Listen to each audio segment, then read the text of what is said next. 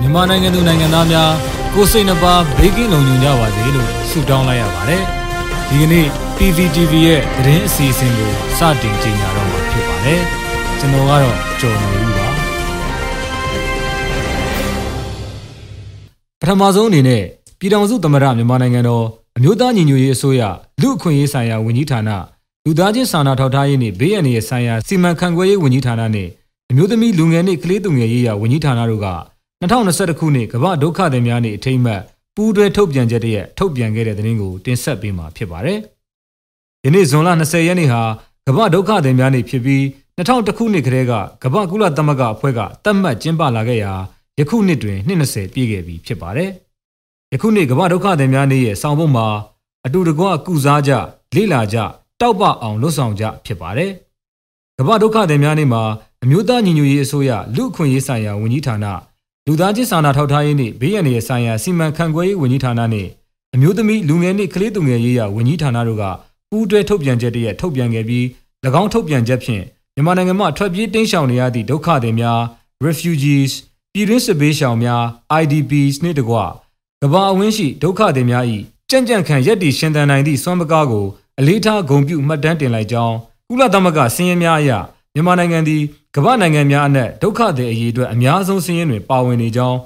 ဆယ်စုနှစ်ပေါင်းများစွာစစ်အာဏာရှင်စနစ်အဆက်ဆက်ရဲ့ဖိနှိပ်အုပ်ချုပ်မှုများကြောင့်ဖြစ်ပွားခဲ့တဲ့လူအခွင့်အရေးချိုးဖောက်မှုများရဲ့နောက်ဆက်တွဲဆိုးကျိုးအနေဖြင့်ရိုဟင်ဂျာများအပါအဝင်မြန်မာနိုင်ငံရှိတိုင်းရင်းသားပြည်သူအများအပြားသည်အိမ်နီးချင်းနိုင်ငံများဖြစ်သည့်ထိုင်းဘင်္ဂလားဒေ့ရှ်နှင့်အိန္ဒိယနိုင်ငံများသာမကအခြားနိုင်ငံများသို့ပင်ထွက်ပြေးတိမ်းရှောင်ခဲ့ကြရကြောင်း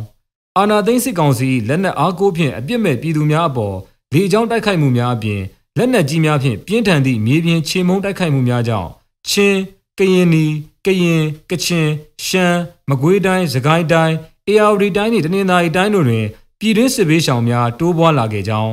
UNHCR ၏အချက်အလက်များအရအာဏာမသိမ်းခင်ကာလကမြန်မာနိုင်ငံတွင်ပြည်တွင်းစစ်ဘေးရှောင်အရေးအတွက်စုစုပေါင်းတသန်းခန့်ရှိနေပြီးအာဏာသိမ်းပြီးနောက်ပိုင်းစစ်တပ်၏တိုက်ခိုက်မှုများကြောင့်နောက်ထပ်လူပေါင်း2သိန်းကျော်တိုးလာကြောင်းထို့ကြောင့် ဇွန်လ20ရက်နေ့တွင်ကြာရောက်သောကမ္ဘာဒုက္ခသည်များနေ့တွင်မိမိတို့ဝန်ကြီးဌာနအနေဖြင့်အောက်ပါအချက်များကိုတောင်းဆိုလိုက်ကြောင်းပါဝင်ပြီးတောင်းဆိုချက်တွေကတော့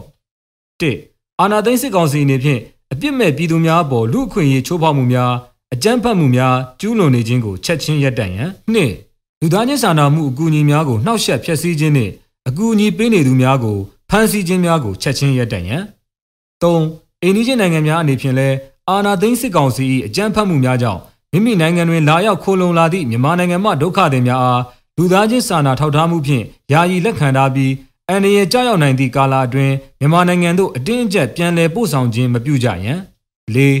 ပြည်တွင်းစစ်ဘေးရှောင်များအတွက်လိုအပ်သောလူသားချင်းဆိုင်ရာစာနာထောက်ထားမှုအကူအညီများကိုနေဆက်ဖြတ်ကျော်ပြီးထောက်ပံ့ပေးနေသည့်အတွေ့အကြုံရှိသော agency များဒေသခံဖွဲ့စည်းများကိုခွင့်ပြုပေးရန်၅နိုင်ငံတကာအစိုးရများအနေဖြင့် လူသားချင်းစာနာထောက်ထားမှုဆိုင်ရာအရေးပေါ်လိုအပ်နေသည့်အကူအညီများဖြစ်သည့်စားနပ်ရိက္ခာနေရာထိုင်ခင်းနှင့်ဆေးဝါးပစ္စည်းများကိုဒေသခံအဖွဲ့အစည်း CBOs CSO များနှင့်လက်တွဲပူးပေါင်း၍ကူညီထောက်ပံ့မှုများပြုလုပ်ရန်6နိုင်ငံတကာအတိုင်းအဝန်အနေဖြင့်လည်းနိုင်ငံတကာရာဇဝတ်မှုများကျူးလွန်ပြီးဒုက္ခသည်အရေးအတွက်ကိုတိုးပွားစေသည့်အာဏာသိမ်းစစ်ကောင်စီပေါ်အရေးယူဆောင်ရွက်မှုများကိုလက်တွဲလှုပ်ဆောင်ရန်မြန်မာနိုင်ငံမှာဒုက္ခသည်များအပါအဝင်ကမ္ဘာတဝန်းလုံးရှိဒုက္ခသည်များအတွက်အတူတကွကူစားကြ လေ့လာကြတောက်ပအောင်လှုပ်ဆောင်ကြပါရန်ယနေ့ကြာရောက်သောဒုက္ခသည်များနေ့တွင်တိုက်တွန်းနှိုးဆော်လိုက်ပါသည်လို့ဖော်ပြပါရှိပါတယ်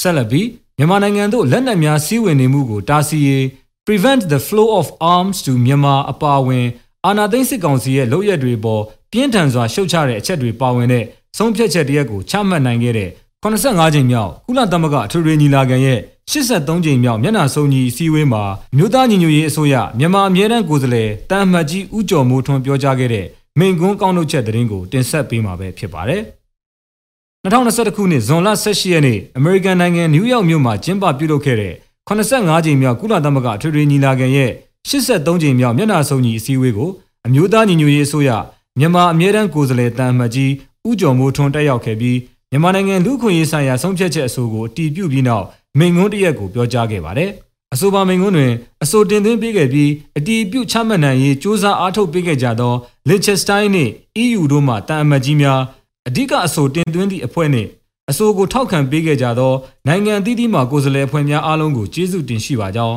ပထမအချက်အနေဖြင့်အကြမ်းဖက်စစ်တပ်ရဲ့မြန်မာနိုင်ငံအတွင်းလူမဆန်တဲ့လုပ်ရက်တွေကိုရပ်တန့်စေရေးဖိအားပေးခြင်းနဲ့မြန်မာဒီမိုကရေစီပြန်လည်ရရှိရေးအတွက် ပြည်သူများရဲ့ကြိုးပမ်းမှုတွေကိုပုံမူကူညီပေးခြင်းတို့အတွက်အတိုင်းအတာတစ်ခုထိကူညီပံ့ပိုးပေးနိုင်မယ်လို့ယုံကြည်တာကြောင့်ယခုဆုံးဖြတ်ချက်ကိုမြန်မာနိုင်ငံကလည်းထောက်ခံမဲပေးပြီးထောက်ခံခဲ့ကြောင်းသို့တော့ယခုဆုံးဖြတ်ချက်အဆိုဟာမျှော်လင့်ထားတာနဲ့ကွာဟနေပါကြောင်းမြန်မာပြည်သူများရဲ့စံတားနဲ့အတန်ကိုသိမြင်နိုင်ဖို့အတွက်မြန်မာနိုင်ငံရှိသက်ဆိုင်သူများအားလုံးနဲ့ထိတွေ့ဖို့လိုအပ်ကြောင်းအထူးသဖြင့်အမျိုးသားညီညွတ်ရေးအစိုးရတိုင်းရင်းသားလက်နက်ကိုင်အဖွဲ့များနဲ့အရက်ဖက်အဖွဲ့အစည်းများမှကိုယ်စားလှယ်များနဲ့ထိတွေ့ဖို့အရေးကြီးကြောင်း ဒုတိယအနေနဲ့အကြမ်းဖက်စစ်တပ်အနေနဲ့အပြစ်မဲ့အရက်သားတွေနဲ့ငြိမ်းချမ်းစွာဆန္ဒဖော်ထုတ်သူတွေကိုတပ်ဖြတ်ရမှာအသုံးပြုခဲ့တဲ့လက်နက်အများစုဟာပြည်ပကတင်သွင်းခြင်းဖြစ်ကြောင်းလူတက်မှုများကျူးလွန်နေတဲ့စစ်တပ်ကိုလက်နက်များရောင်းချခြင်းဟာလူသားမျိုးနွယ်ပေါ်ကျူးလွန်တဲ့ရာဇဝတ်မှုတွေစစ်ရာဇဝတ်မှုတွေနဲ့လူမျိုးတုံးတပ်ဖြတ်မှုကဲ့သို့သောပြစ်မှုတွေကိုကျူးလွန်ရမှာစစ်တပ်ကိုအားပေးကူညီထောက်ခံနေသည်ဟုမှတ်ယူနိုင်ပွဲရှိကြောင်း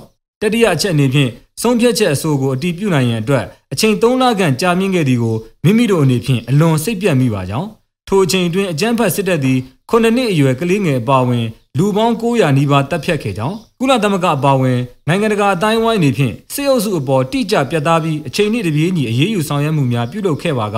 အပြစ်မဲ့ပြည်သူများ၏အသက်ကိုကယ်တင်နိုင်မည်ဖြစ်ကြောင်းစတုထအနေဖြင့်အဖွဲ့ဝင်နိုင်ငံများသည်တိုက်ရိုက်ဖြစ်စေတွယ်ဝါရည်ဖြစ်စေ အကြမ်းဖက်စစ်အုပ်စုကိုအတိမတ်မပြုရန်အရေးကြီးပါကြောင်းအတိမတ်ပြုမိပါကအကြမ်းဖက်စစ်အုပ်စုကပြည်သူများအပေါ်ကျူးလွန်နေသည့်လူသားမဆန်သောအပြုအမူများကိုပုံမူကျူးလွန်ရန်အားပေးခြင်းဖြစ်လာနိုင်ကြောင်းလက်တလောတွင်မြန်မာနိုင်ငံအလဲပိုင်းရှိကင်းမကြီးရွာအားဂျွာလုံးကျွတ်မိရှို့ခဲ့ခြင်းမျိုးသည်လက်ခံနိုင်ပွဲမရှိသောစစ်ရာဇဝတ်မှုဖြစ်ကြောင်းနောက်ဆုံးအနေဖြင့်မြန်မာပြည်သူများရဲ့အသက်အိုးအိမ်စီးစိမ်များကိုကယ်တင်နိုင်ရန်နဲ့စစ်တပ်ရဲ့အကြမ်းဖက်မှုများဒူသားမဆန်မှုများကိုရပ်တန့်နိုင်ရန်အတွက် ကုလသမဂ္ဂနှင့်နိုင်ငံတကာအတိုင်းအဝန်တို့ရဲ့ခိုင်မာပြတ်သားသောဆောင်ရွက်ချက်များချက်ချင်းလိုအပ်လျက်ရှိကြောင်းဒါကြောင့်ကုလသမဂ္ဂလုံခြုံရေးကောင်စီအနေဖြင့်မြန်မာနိုင်ငံ၏ပြည်ပခါကိုတေချာစွာအလေးပေးစောင့်ကြည့်ရန်နှင့်စစ်အုပ်စုအပေါ်ခိုင်မာပြတ်သားတဲ့ဆောင်ရွက်ချက်တွေကိုနှောင့်နှေးခြင်းမရှိဘဲချက်ချင်းဆောင်ရွက်သွားရန်တိုက်တွန်းပါကြောင်းတို့ပါဝင်တာကိုတွေ့ရပါတယ်။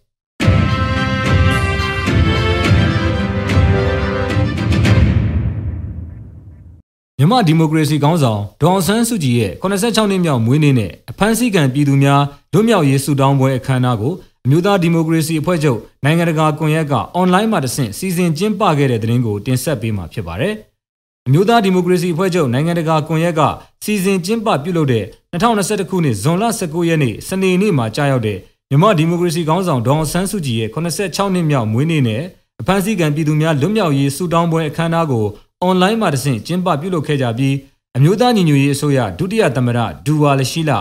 အမျိုးသားညီညွတ်ရေးအစိုးရအဖွဲ့ပြည်ထောင်စုဝန်ကြီးချုပ်မန်းဝင်းခိုင်တန်းပြည်ထောင်စုလွှတ်တော်ကိုစားပြုကော်မတီဥက္ကဋ္ဌဦးအောင်ကြည်ညွန့်နဲ့88ကျောင်းသားကောင်းဆောင်မင်းကိုနိုင်တို့ထံမှစုမုံကောင်းတောင်းဗီဒီယိုဖိုင်များကြပြများပေးပို့ခဲ့ကြတယ်လို့သိရပါတယ်။နိုင်ငံတော်ဒုတိယသမ္မတဒူဝါလရှိလာရဲ့ဆုတောင်းစကားတွင်ဒေါအောင်ဆန်းစုကြည်ဟာကျွန်တော်တို့တိုင်းပြည်အတွက်မိမိချစ်ရတဲ့မိသားစုဘဝမိမိမျက်နှိုးရတဲ့စကောလာဘဝ မိမိရဲ့ပုံကိုယ်ရေးပျော်ရွှင်မှုတွေအားလက်ချိန်တွေရှိရှိသမျှအချိန်တွေကိုစွန့်ကာဆယ်စုနှစ်ပေါင်းများစွာပေးဆက်ခဲ့တဲ့ဒီမိုကရေစီရဲ့ပြရုပ်တစ်ခုဖြစ်ပါတယ်။ဒါကြောင့်လဲမြန်မာပြည်သူတွေအနေနဲ့ဒေါအောင်ဆန်းစုကြည်နဲ့ဒီမိုကရေစီကိုခွဲမမြင်ပဲတွဲမြင်ကြတာဟာသူ့ရဲ့ဆွန့်လွတ်မှုစွန့်စားမှုအနစ်နာခံမှုတွေကြောင့်ဖြစ်ကြောင်းထို့များမကဒေါအောင်ဆန်းစုကြည်ဟာဗိုလ်ချုပ်ကြီးနေဝင်းအစိုးရဗိုလ်ချုပ်ကြီးစောမောင်အစိုးရဗိုလ်ချုပ်မှုကြီးတန်းရွှေအစိုးရနဲ့ယခုစစ်အာဏာသိမ်းဗိုလ်ချုပ်မှုကြီးမင်းအောင်လှိုင်တို့ဦးဆောင်တဲ့စစ်ကောင်စီအပါအဝင် ရက်ဆက်ကြမ်းကြုတ်တဲ့အာဏာရှင်အဆက်ဆက်ကိုတနက်တလက်ကြီးစံတောင်မပါဘဲမကြောက်မရွံ့ဆန့်ကျင်တော်လှန်ခဲ့ပြီးတော့ပြည်သူတွေရဲ့လွတ်လပ်ရေးတရားမျှတမှုရရှိရေးနဲ့တိုင်းပြည်သားယာဝပြောရေးတို့ကိုဥထိတ်ထားခဲ့သူဖြစ်ကြောင်းဒါကြောင့်အာဏာရှင်အဆက်ဆက်ကသူ့ရဲ့နိုင်ငံရေးပါရမီနဲ့ဩဇာကိုကြောက်ရွံ့နေကြတာဖြစ်ကြောင်း